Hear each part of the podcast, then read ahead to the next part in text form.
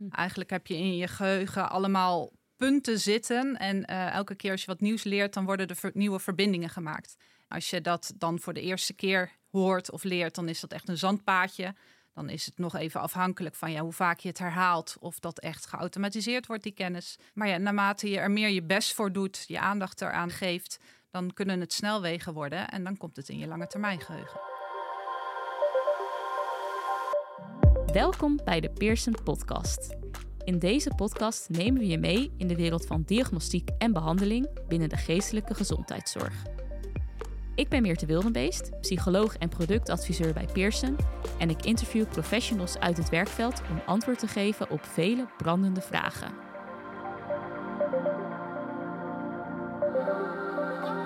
Voordat we verder gaan, nog even dit. Problemen met het geheugen kun je op verschillende manieren constateren. Heel belangrijk hierbij is om te kijken naar de geheugenfunctie bij de uitvoering van alledaagse taken. Met de nieuwe RBMT3 meet je bij cliënten met cognitieve problemen, vanaf 16 jaar, hoeveel moeite zij hebben met alledaagse geheugentaken en kun je een goede inschatting maken van het zelfstandig functioneren. Kijk voor meer informatie op www.pearsonclinical.nl/podcast.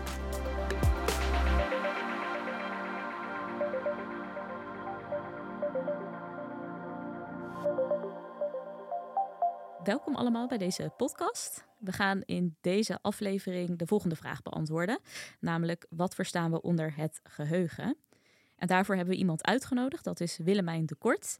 Uh, zij zit hier tegenover me en ja, Willemijn, misschien kan je jezelf even kort voorstellen. Ja, dat is goed. Ik ben uh, inderdaad Willemijn de Kort. Ik werk voor Expertisecentrum Leren en Gedrag, afgekort ECLG.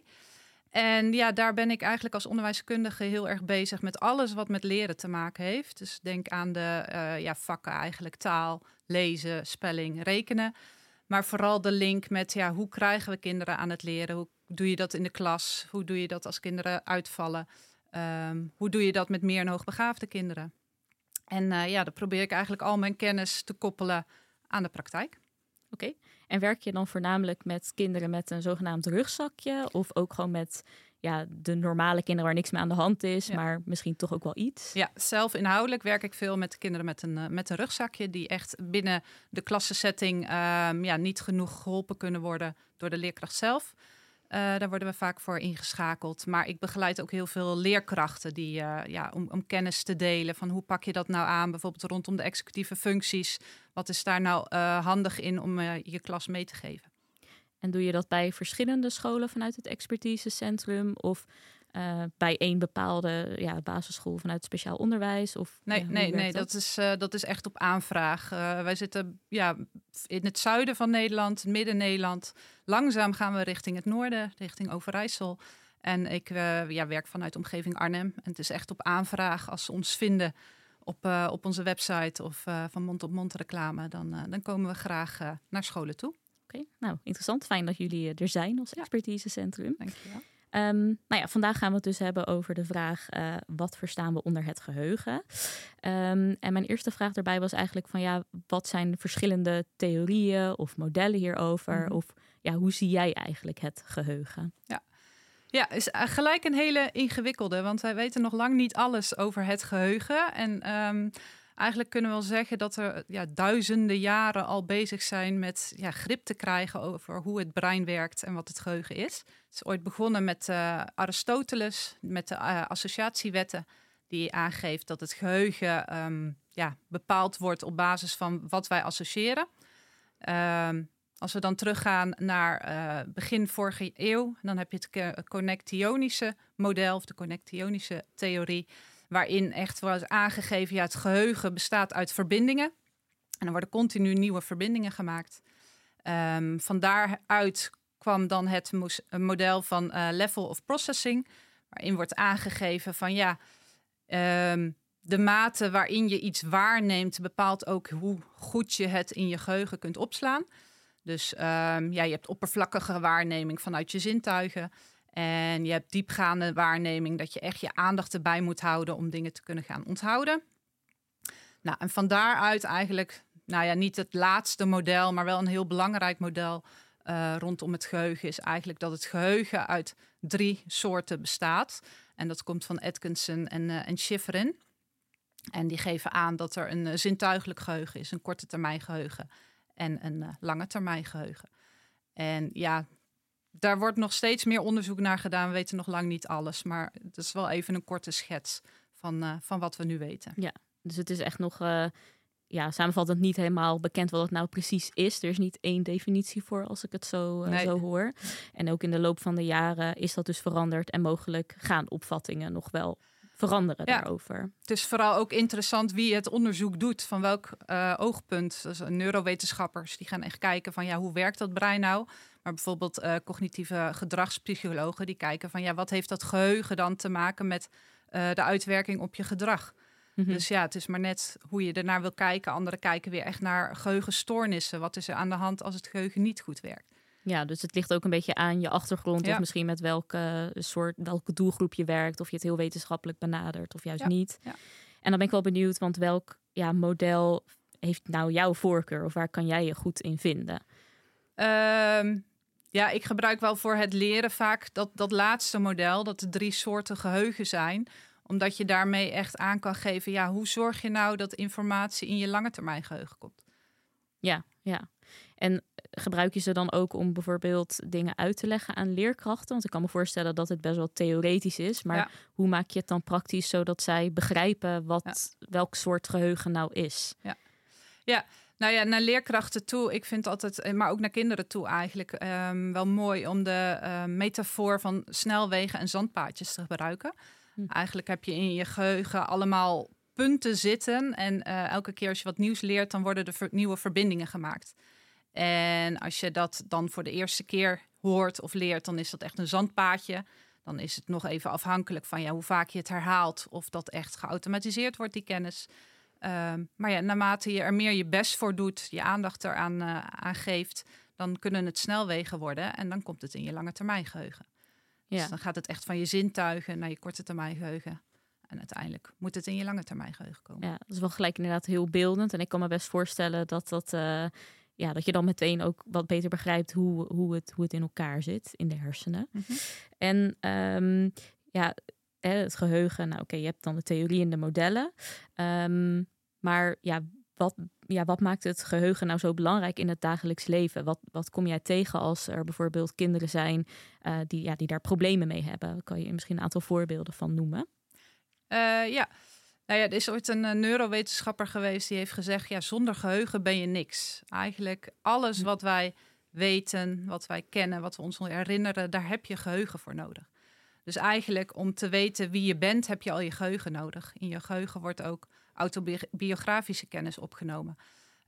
Um, dus ja, waar woon je? Wie zijn je vrienden? Um, hoe sta je in het leven? Welke normen en waarden heb je? Dus daar, ja, dat, daar begint het eigenlijk al mee. Um, alles wat je wil leren, wat je wil begrijpen, daar heb je je geheugen voor nodig. Maar ook je dagelijkse routine. Van dat je niet meer na hoeft te denken over ja, je klaarmaken om naar het werk te gaan of naar school te gaan. ja, dat is altijd ja, allemaal eigenlijk afhankelijk van je geheugen. Ja, ja. Dus zowel de, ja, de dingen die misschien automatisch gaan, als de dingen waarbij je die niet automatisch gaan, waarbij je moet putten uit een andere, andere bron, als ik het zo begrijp. Ja. Um, ja, en, en wat kom jij vooral tegen in de praktijk, waar bijvoorbeeld kinderen moeite mee hebben? Um, ja, ze hebben vaak moeite dan. Ja, wat, wat je vaak ziet, is dat ze snel dingen vergeten.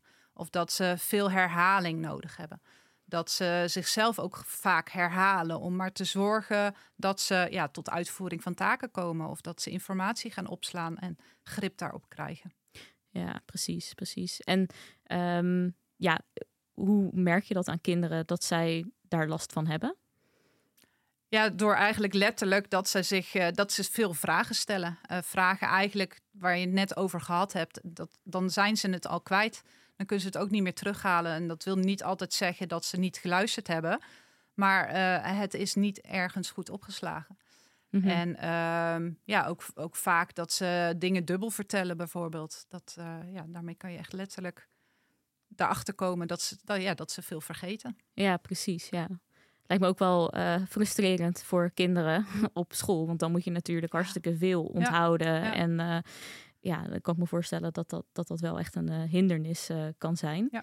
Ehm, ja, en uh, als we het ook hebben over het, het geheugen, hè, want nu hebben we het heel erg over de modellen en hoe het zich uit. Mhm. Um, maar is het ook mogelijk om het geheugen in het brein te lokaliseren? Is er een plek voor aan te wijzen in het brein van nou, daar zit het geheugen? Of, of is, dat, ja, is dat niet te doen? Nee, ja, je, kun, je kunt niet praten van één geheugen, het geheugen. Het geheugen is echt de samenhang van allemaal verbindingen die je maakt, allemaal associaties uh, met wat je al weet en het nieuwe wat je gaat leren.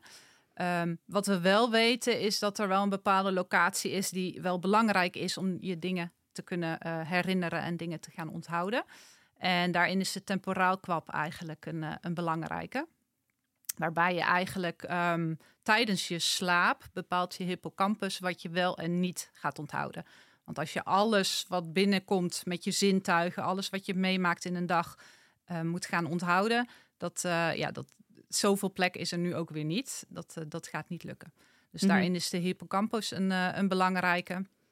En ook de amygdala, die je in de temporaal kwap bevindt. Die, ja, die koppelt eigenlijk de informatie aan emoties.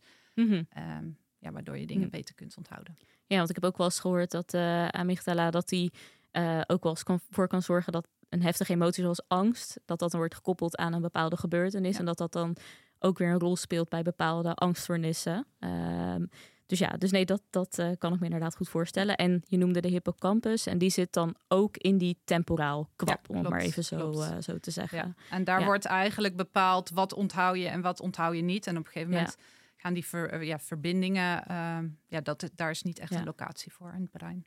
En leg jij dit ook wel eens uit aan uh, ouders of leerkrachten hoe het werkt in het brein? Of, of is dat informatie die ja, misschien voor mensen zo ver van hun bed staat dat, ja, dat het geen zin heeft om het uit te leggen? Of, ja, hoe ga je daarmee om? Ja, ik probeer dat wel eenvoudig uit te leggen. Want het is wel interessant. Wat je net al noemde met de uh, amygdala.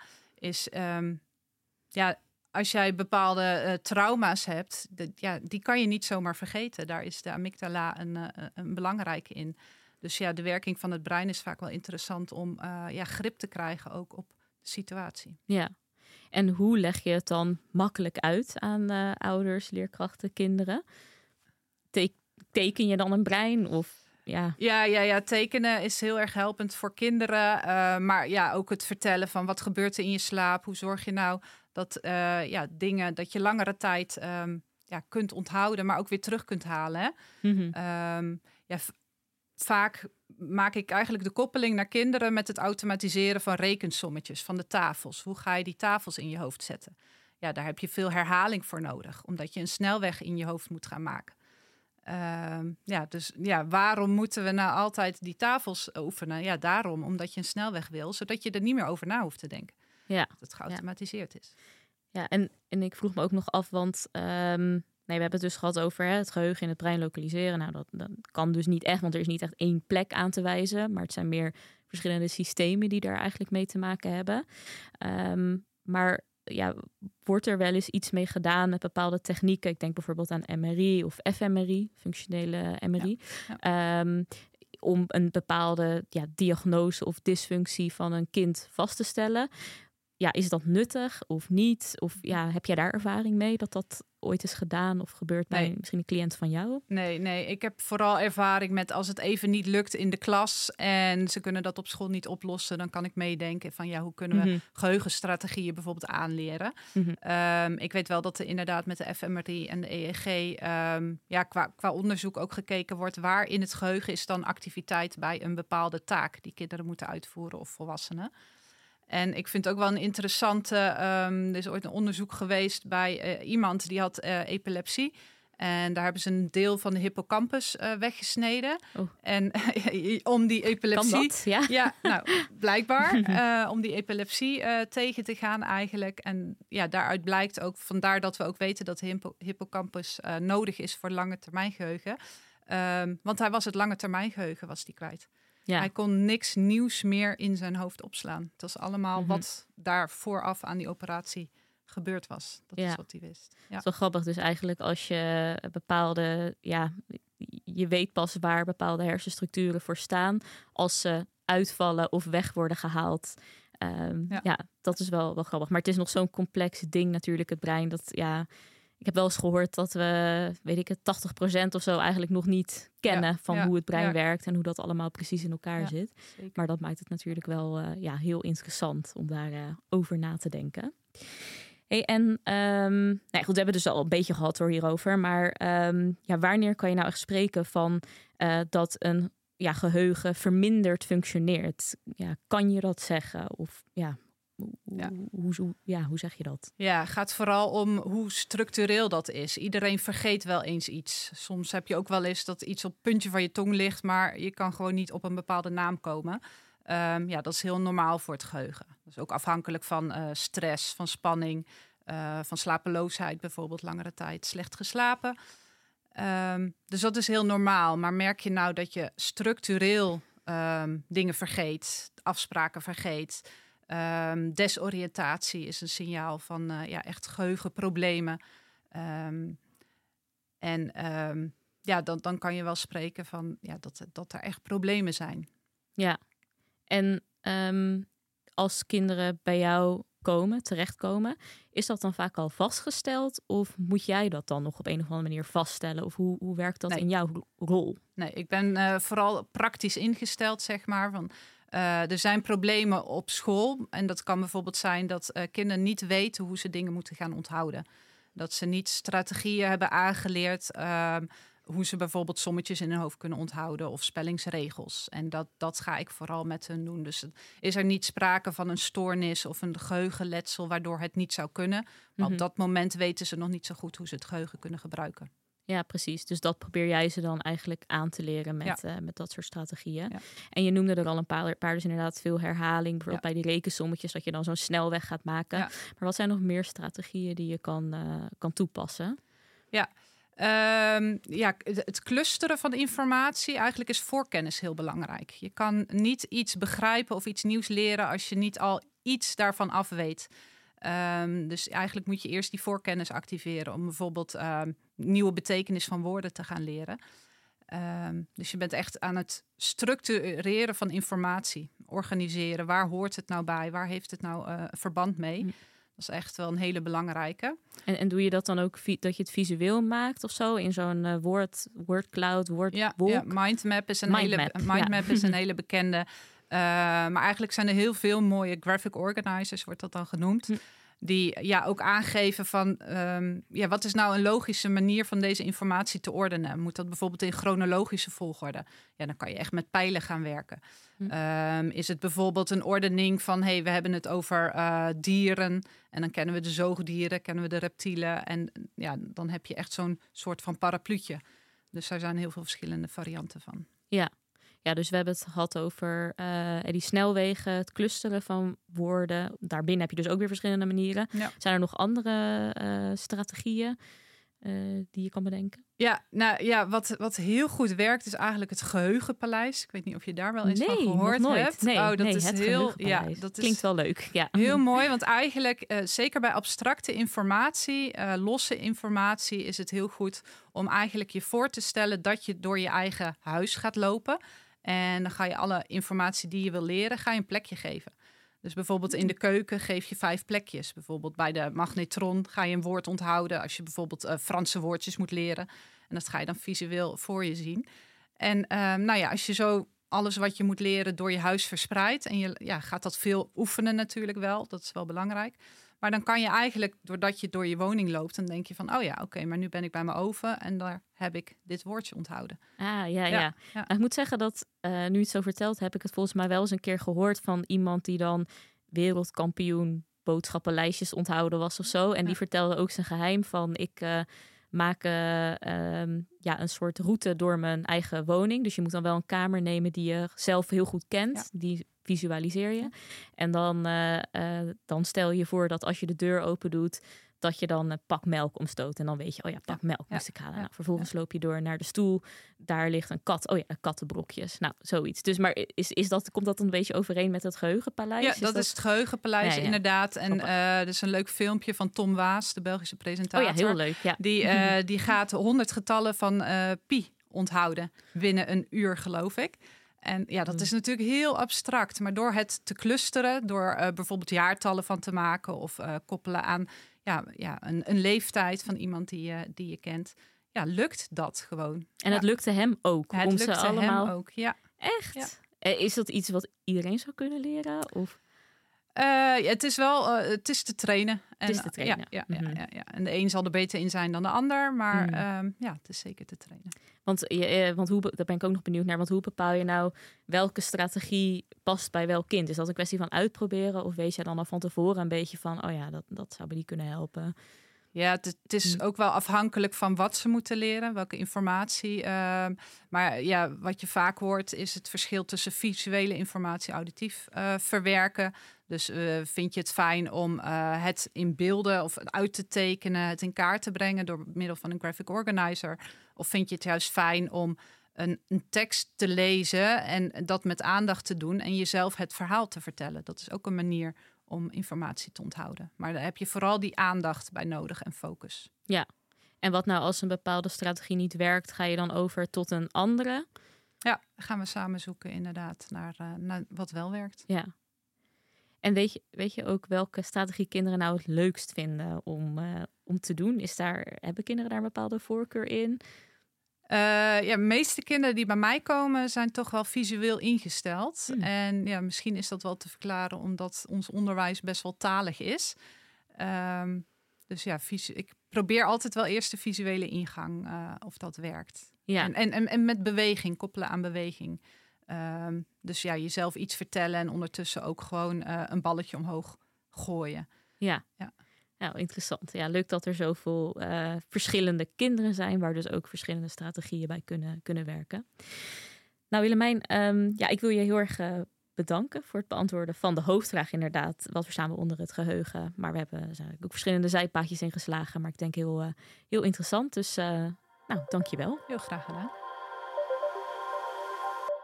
Vond je dit een interessante podcast? Volg dan ons kanaal zodat je op de hoogte blijft van nieuwe afleveringen.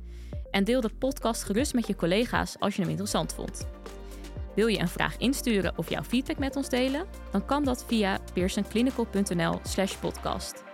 Daarnaast hebben we ook een speciale actie voor onze podcastluisteraars. En deze is te vinden op dezelfde site, dus pearsonclinical.nl/slash podcast. Tot de volgende keer!